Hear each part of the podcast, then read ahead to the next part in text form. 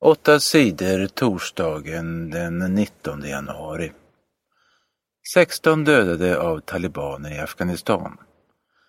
Talibaner gjorde på onsdagen flera attacker i Helmand-området i södra Afghanistan. En självmordsbombare dödade 12 personer när han sprängde sin bomb. Fler än 20 människor skadades. Bara två timmar senare sprängde talibanerna en mina som dödade tre människor. USA hjälper Afghanistans regering att hålla ordning i landet. USA vill förhandla med talibanerna för att få ett slut på striderna. Men talibanerna verkar inte vilja prata om fred. De fortsätter med sina bombdåd. 30 000 dog i naturkatastrofer. Förra året dog nästan 30 000 människor i världen av jordbävningar och andra naturkatastrofer. Det visar nya siffror från Förenta Nationerna, FN.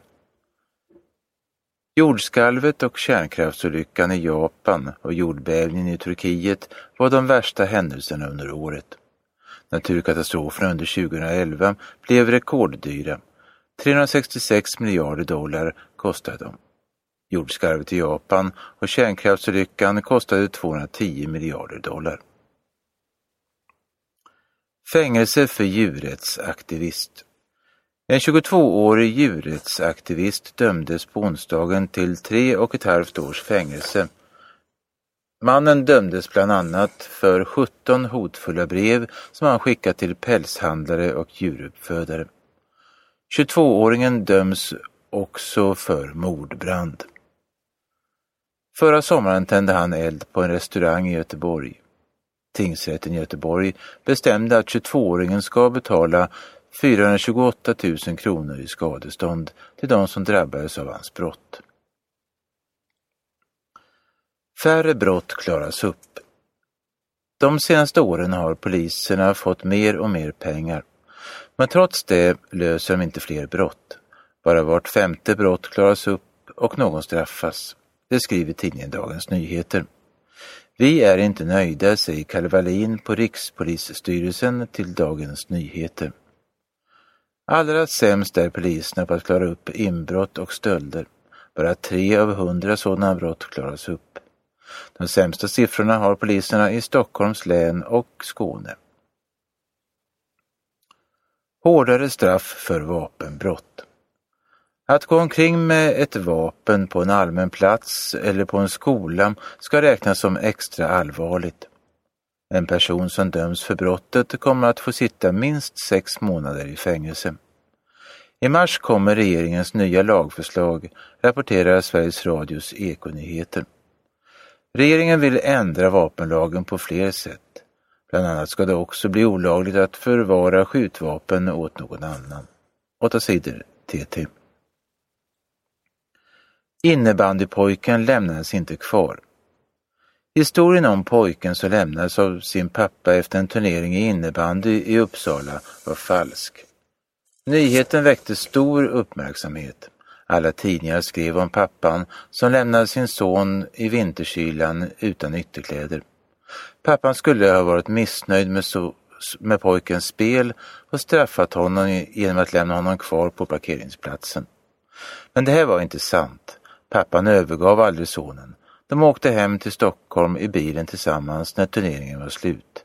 Att berättelsen nådde tidningarna berodde på ett missförstånd.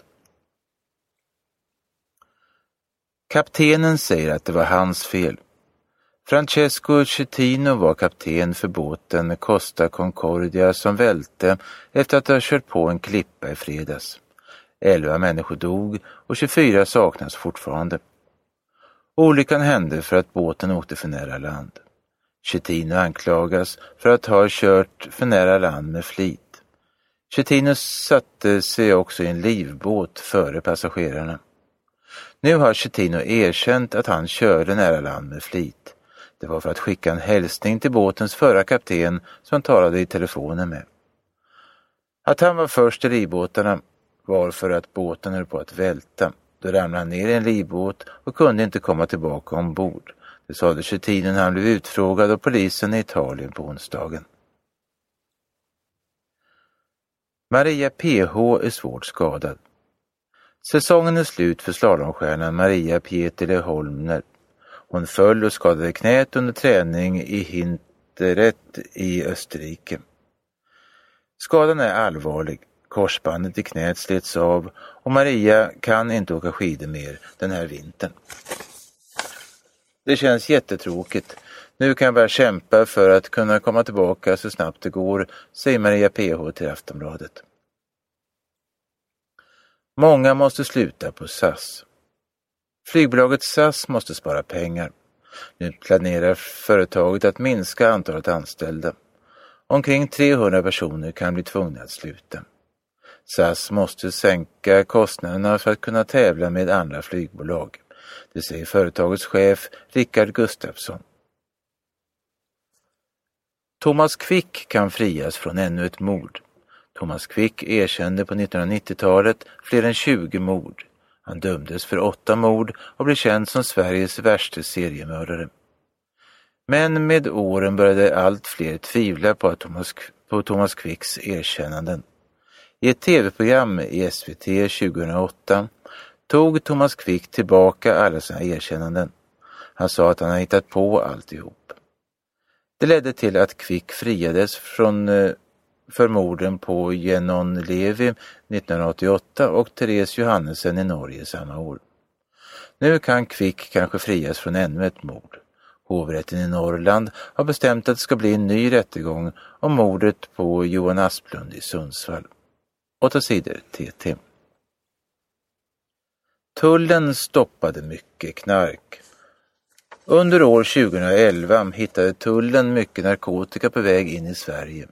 Tullen stoppade nära 6 000 smugglingsförsök under året. Det är ett nytt rekord. Det mesta av narkotikan hittas i paket och brev. Det handlar ofta om hash, marijuana och förbjudna mediciner. Tullen stoppade också 18 ton av drogen katt.